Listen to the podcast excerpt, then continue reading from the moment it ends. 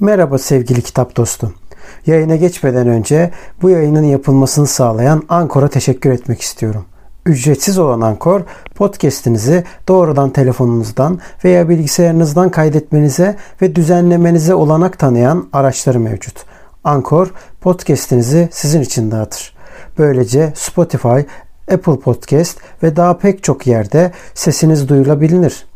Üstelik minimum dinleyici olmadan podcast'inizde para kazanabilirsiniz. Tek bir yerde podcast hazırlamak için ihtiyacınız olan her şey Ankor'da.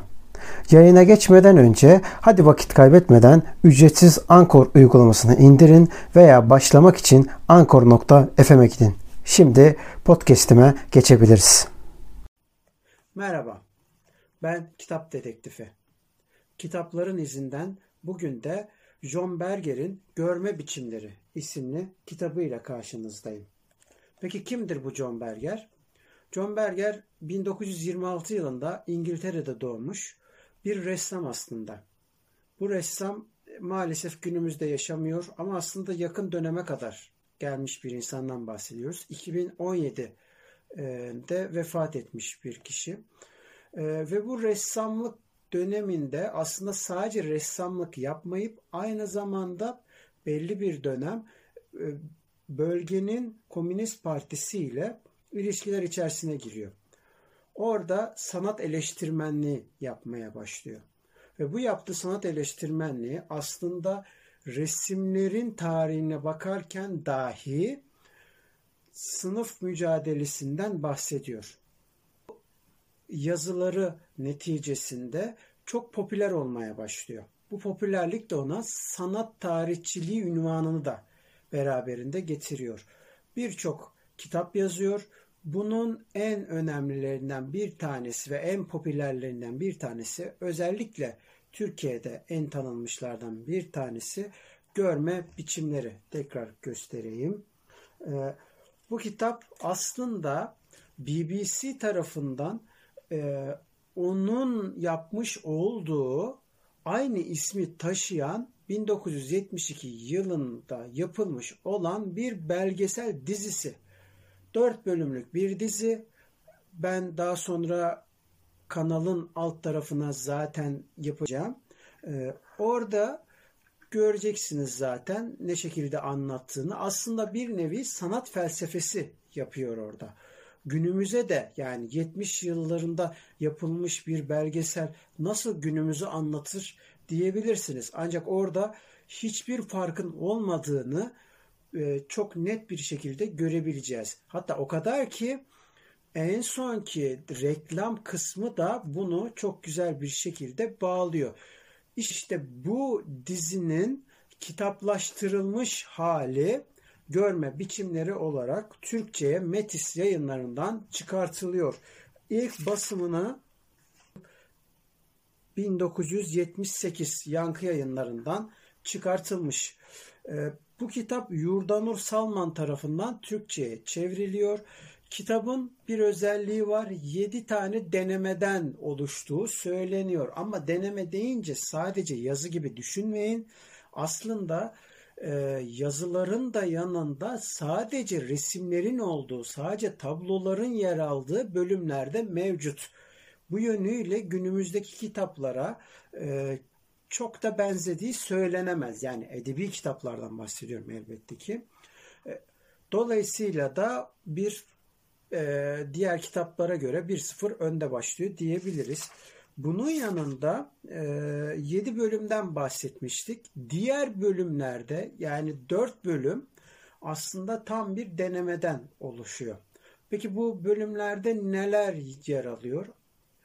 Şöyle bahsetmekte yarar var.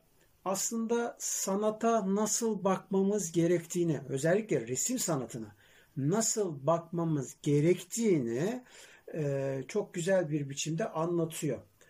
Bunların içerisinde az önceki söylemiş olduğu aslında görmeyle birlikte nelerin başımıza geldiğini, hangi işlerin açıldığını aslında çok güzel bir şekilde anlatıyor. Ee, sonra sanat nasıl etkilenmiştir bunu inceliyor. Yani diyor ki eskiden resimler sabitti. Biz resimleri görmeye giderdik. Şimdi ise olay tam tersine döndü. Şimdi resimler bizim yanımıza geliyor. Gelmek zorunda kalıyor. Yani tişörtlere basılıyor. Yani duvarlarda kopyaları yapılıyor. Yani arabaların üstüne resimleri konuyor. Bunların hepsi kopyalarla oluyor. Peki bu bize neler hissettiriyor?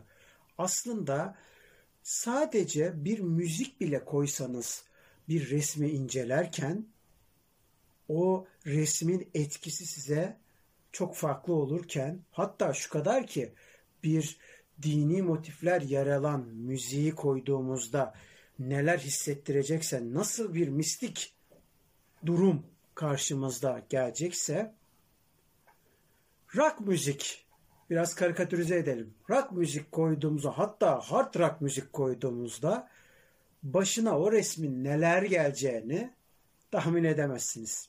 Bunun yanında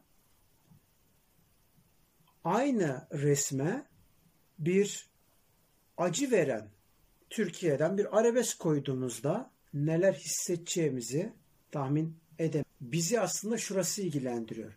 O az önce taşıdığımız kamera vardı ya, işte o kamera resmin hangi tarafına odaklanırsa o taraf resimde ayrı bir anlam taşıyor. Yani o karakterlerdeki kadın kamera o kadına doğru gittiği zaman işte tam o noktada sadece sanki kadının silüeti varmış gibi oluyor. Ancak yanında duran bir köpeğe gittiğimiz zaman, ona odaklandığımız zaman o sırada sanki bir hayvan resmi yapılmış gibi oluyor. İşte görsel açı, görsel perspektif aynen böyle. Sanki bir deniz fenerinin ışığı yansıtması gibi diyor John Berger. Yani o ışık bir açıyla aynen bu üçgen açıyla gösteriyorsa işte tam bu nokta aslında bizim bakış açımızı gösteriyor. Eğer o deniz feneri arka tarafı gösteriyorsa biz orayı görüyoruz. Ön tarafı gösteriyorsa orayı sağ tarafsa sol tarafsa farklı. Dolayısıyla resmin taşınması bizde bu sebepleri doğurdu. Bu açıları getirdi.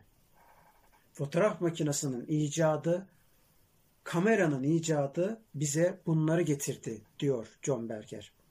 Bunun yanında en önemli ve en çok kullanılan bir adeta metalaştırılan bir nesne haline getirilen en önemli simge nedir resimde diye sorduğumuz zaman aslında ilk olarak kadınlar geliyor. Resimlerde kullanılan kadınlar.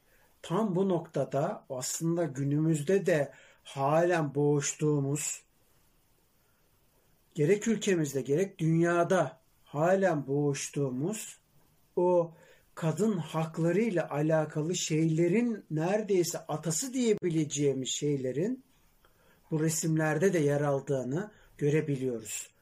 Ve kadınlar bir fetiş haline getirildiği için özellikle o dönemde de sonuç itibariyle daha bu dönemde bile erkek egemenlik devam ettiği için o dönemde de e, erkek egemenliğin getirmiş olduğu bir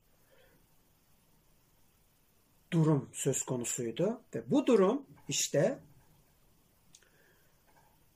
onların nü resimler yani çıplak resimler olarak ortaya çıkmasına vesile oldular. Ancak bu işin asıl başı neydi? Nasıl başladı?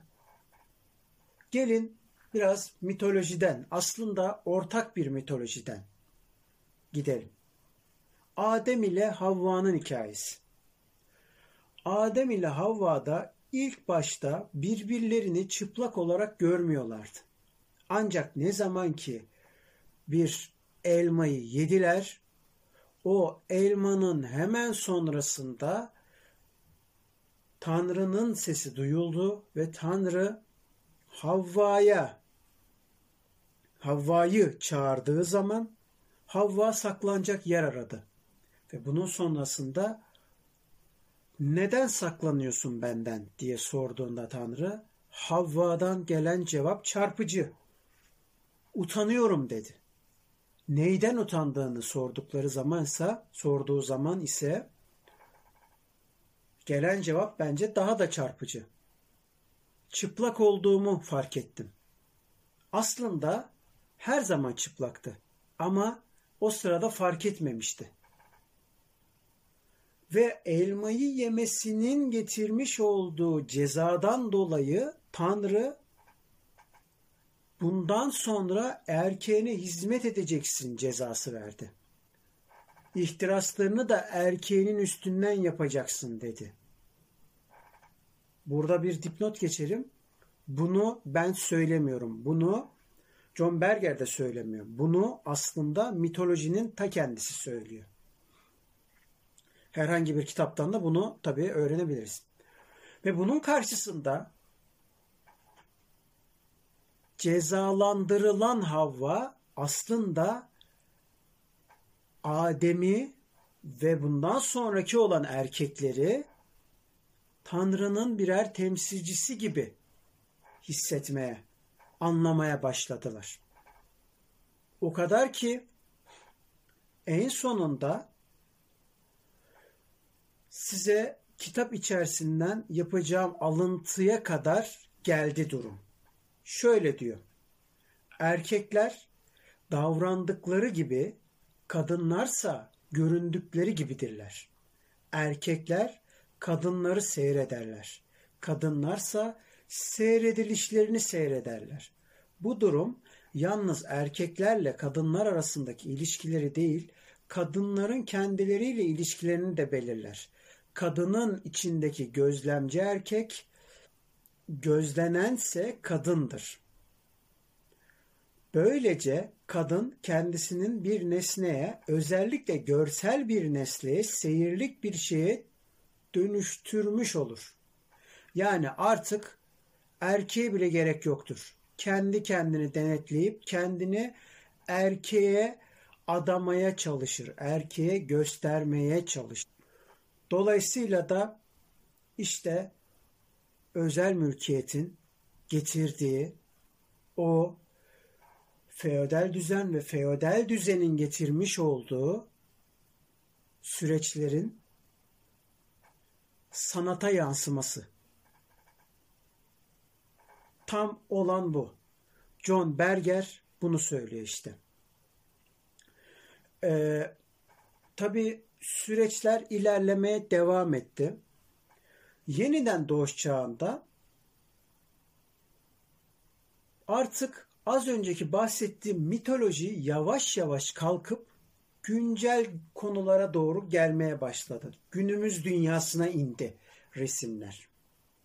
Artık öyle bir noktaya geldi ki Adem'le Havva'nın birbirlerini çıplak olarak hissettikleri o an yani incir yapraklarıyla mahrem yerlerini kapattıkları o andan artık normalde kendilerinden utanmadıkları zamandan tablonun sahibi olan kişiden utanır bir hale geldi. Yani artık üçüncü bir gözden utanır hale geldi. Dışarıya karşı bir şeylerimizi hatta hiçbir şeyimizi göstermeyelim durumuna geldi. Süreç bunu o noktaya kadar sürükledi. Ve bu tabi çıplak kadın meselesini, nüyü ortaya çıkardı. O kadar e, çok bu mevzu olmaya başladı ki artık bürokratların bile evinin hemen üstünde ya da e, bir toplantı salonunun duvarının hemen üstünde nü resimleri görmeye başladık. Ancak her halükarda kadınlara bakış değişmedi. Zaten günümüzde de değişmedi. Kadınlar tablolarda değişik şekillerde gösterilmeye başlanmıştı ama erkekler hep aynıydı.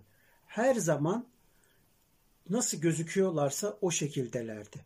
Kadınlarsa sürekli bu tabirimi mazur görün. Bunların hiçbirisi benim düşüncem değil. Bunu baştan belirteyim. Ancak bu iğrençliği teşhir için zaten John Berger söylüyor. Bunu da belirtelim. Bu burada bir kalsın. Ee, kadınları pasif olarak gösterip sadece cinsel açlıkları varmış gibi, bir aletmiş gibi, bir e, doğum yapacak ya da doğum yaptırmak için ya da bir zevk için, bir hazlarını tatmin etmek için varlarmış gibi resimler çizilmeye başlandı. Tabi bunun yanında başka şeyler de doğdu. Bir sahiplik duygusundan bahsedebiliriz. Aslında kadınlara sahiplik duygusu diğer mallardan ayrılmadığı için, diğer metalardan bu durum ayrılmadığı için bunda da aynı şekilde devam etti. Yani şunu demek istiyorum. Tablolar satın alındığı zaman onun içinde her ne varsa onu da satın almış gibi hissetmeye, görmeye başladılar. Bu aslında yağlı boya resminin getirdiği bir şeydi. Ancak bunu insan bilimciler fark etti. Yani sosyal bilimciler yahut da e, sanat tarihiyle uğraşan kişiler değil. Yine bir alıntıyla devam edeyim. John Berger kitabın bir bölümünde diyor ki bizim söylemek istediğimiz daha kesin bir şeydir. Mülke ve alışverişe karşı edinilen yeni tutumlarla belirlenen dünyayı görme biçimleri görsel anlatımını yağlı boya resimde bulmuştur. Başka görsel sanat türünde bulamazdı zaten. Daha önce sanat yapıtları zenginliği gösteriyordu. O kadar ki servet o zaman dinsel ve toplumsal bağlarla kopmaz bir biçimde iç içeymiş gibi gösteriliyordu. Bunun yanında bir örnekle anlatmak gerekirse eğer kitabın içinde de yer alan elçiler kitap bölümünde yapıtta iki elçi mevcut. Elçilerden sol taraftakine baktığımız zaman bir sömürgeci görüyoruz. Onun gibi şatafatlı giyinmiş, kürk giyinmiş. Ee, onun gibi başında tacı olan, kendinden emin bir bakış. Ama sağ tarafa baktığımız zaman bir kiliseyle bağ olduğu belli olan aslında sömürgecilikten de yararlanan ve bu da yine duruşundan belli olan bir kişi var. Ve bu kişilerin ikisinin arasında bir kafatası var. Aslında bu kafatası diğer çizimlerden çok farklı bir şekilde yapılmış.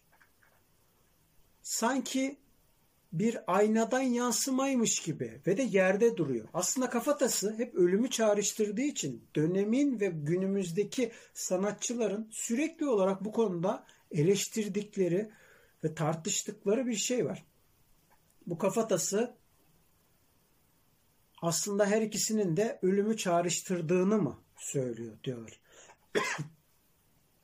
Ancak durum hiç de böyle değil. Çünkü Az önce belirtmiş olduğum gibi resimde o kafatası farklı bir açıyla gösterilmiş. Yani bir fizik ötesi bir durumdan bahsediyoruz. Dolayısıyla burada anlatmak istediği başka bir şey. Yani burada bir üç boyutlu anlamdan bahsediyoruz. Tüm bunlara girmiş olurken William Blake'den bahsetmesek olmaz.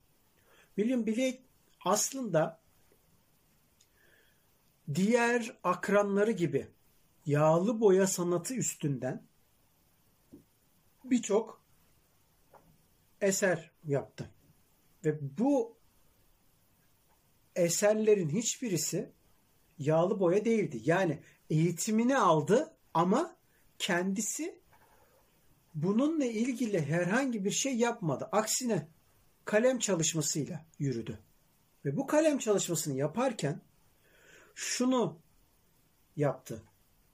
Az önceki belirtmiş olduğum sahiplik duygusuna karşılık tablolardaki o sahiplik duygusunu ortadan kaldırmaya yönelik çizimler yaptı.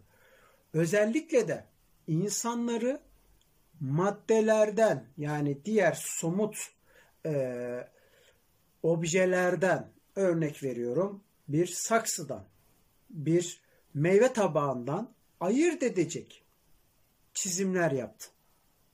Bu yönüyle de aslında hem sanatın gücünü kullandı hem de aslında onların bir meta olmadığını gösterdi. Ve bu gösterdikleri artık öyle bir noktaya geldi ki kendisi haricinde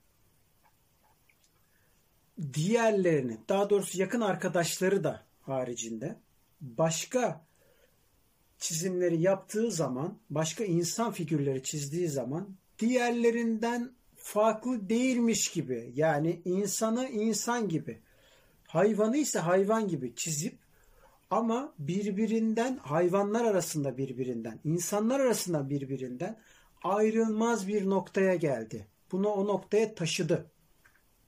Bu da aslında o sahiplik duygusuna karşı bir isyan gibi bir durumdu. Dolayısıyla da resim çizimlerini de buna göre şekillendirdi. Gündelik yaşam resimleri de çizilmeye başlandı. Bu gündelik yaşam resimleri aslında yine mitolojiye aykırı bir şekilde çizilmeye başlandı. Yani gündelik yaşamı çiziyordu. Bu gündelik yaşam hem kent yoksullarını, fakirleri, işçileri hem de aslında belli bir düzeyde olan orta ve onun üstünde olan memurlar, kuyumcular gibi kişileri çizmek için yapılmış olan bir sanat dalı diyelim. Ve bu sanat dalında aslında şöyle bir şey görüyoruz. Kent soyluları bu sanatın kolaylıkla satın alınabilecek bir şey olduğunu bildikleri için sürekli olarak ya sipariş veriyorlardı ya da hali hazırda çizilmiş olanları satın alıp ben de varlıklıyım. Ben de iyi bir insanım. Çünkü resimlerde onlar hep iyi birer insanmış gibi gözüküyordu.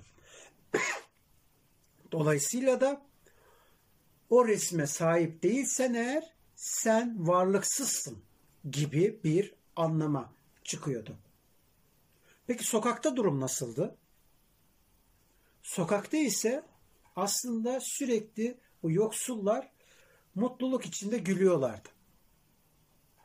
Yani umudun her zaman olduğunu gösteriyorlardı. Bunun yanında açık hava resimleri de yapılıyordu.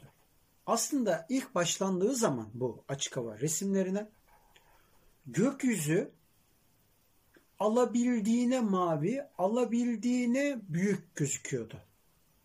Örneğin bir denizi çizdikleri zaman denizin üstündeki o gemiler o masmavi gökyüzü ve denizin içerisinde küçücük kalıyorlardı. Orada hakim doğanın kendisiydi. Ancak özel mülkiyetin hakim olduğu bölgelerde o çizilen sipariş resimlerde gökyüzü küçülmeye başlandı. Onun yerine araziler, sınırları konulabilecek şeyler, mülk edinebilecek şeyler o gökyüzünü kapatmaya başladı. Bunu da metafor olsun diye söylemiyorum. Yani gerçekten kapatmaya başladı. Araziler daha fazla yer verilmeye başladı. Kenara çekilip mülk sahipleri fotoğraflarını çektirir gibi resimde yer alıyorlar. O kenara çekildikleri şey ise arazinin ta kendisiydi.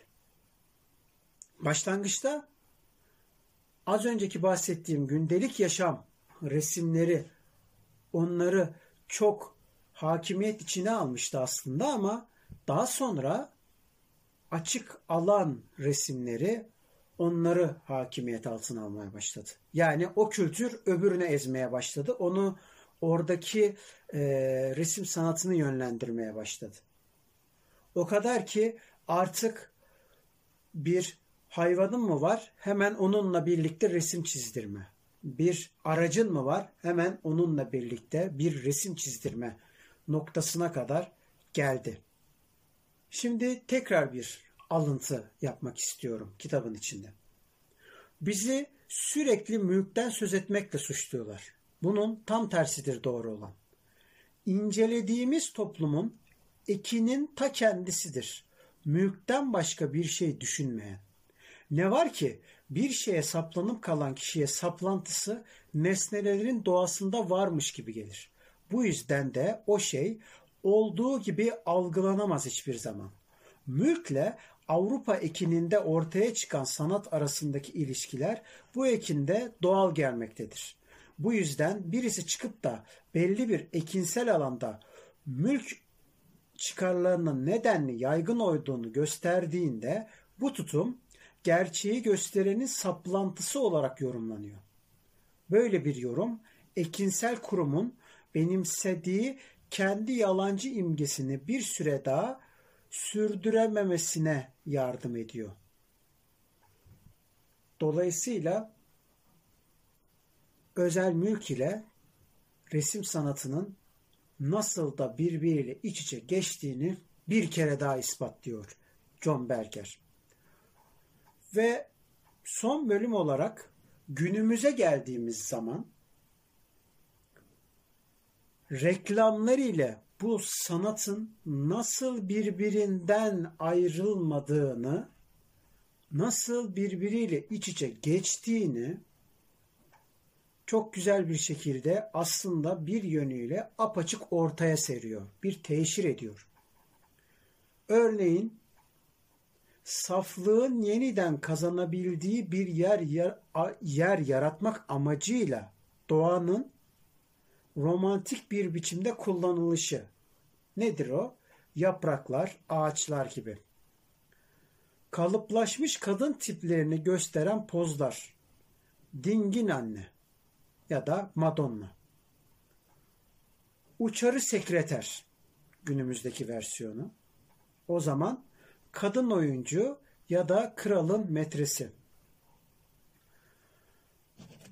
Ve cinsel nesne Venüs ürken su perisi. Örneğin Paris mitolojide geçen Paris tanrısının elmayı karşısında duran üç çıplak kadından birisine vermesi hali ve bunun beraberinde getirmiş olduğu o bir yarışma hali hangi kadının daha güzel olacağına karar veren bir erkek hali bunun bir mitolojideki yansıması. Kadın bacaklarının cinsellik açısından özellikle vurgulanması. Bunu zaten konuşmaya gerek yok. Yani günümüzde ve o zamanda da o zamanki resimlerde dahi aynı şekilde devam ediyor. Lüks kullanım özelliği taşıyan malzemeler oyma madenler ve kürkler ve daha neler neler. Kısacası reklam tüketici toplumun ekinidir. Yani sende para yoksa yaşarsın ama tam olarak yaşayamazsın. Ama paran varsa eğer çok iyi yaşarsın. Güçlüsündür. Erkeksindir. Ve bunun yanında çok kudretlisindir. Herkes senin sözünü dinler. Ama yoksa sen bir hiçsin.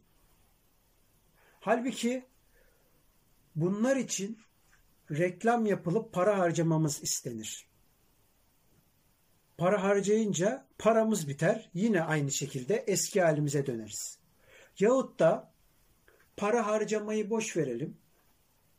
Bir taraftan o reklamdaki her şeyi almaya çalışalım ya da almaya çalışmayalım. Ama her halükarda akşam 8, sabah 8 çalışmak zorunda kalırız. Patronumuz bizi bekler iş yerinde. Bazen patronumuz da beklemez. O başka bir yerdedir. Başka bir yerde tatil yapıyordur. Ama biz oraya gitmek isteriz. John Berger burada aslında belgeselinde göstermiş olduğu çarpıcı bir örnek vermek istiyorum. Güzel kokulu kadınlar diyor. Reklamlarını bunun üstünden yapıyor. Ancak yapmış olduğu bu reklamları bir yönüyle de parfüm fabrikasında çalışan kadınları unutarak söylüyorlar. O kadınların durumu nedir? Aslında durum o arazisinin önünde fotoğraf çektirir gibi resim çizdiren o ağların hikayesi devam ediyor. Günümüzde de o resim sanatının o sınıfların yaşadığı çelişkilerin resim sanatına yansıması devam ediyor. Zaten bu yüzden kitabın en son kısmında John Berger bu kitabı tamamlamayı okurun kendisine bırakıyoruz diye not yazmış. Biz de öyle bitirelim. Bu kitabı tamamlamayı okurun kendisine bırakıyoruz. Müzik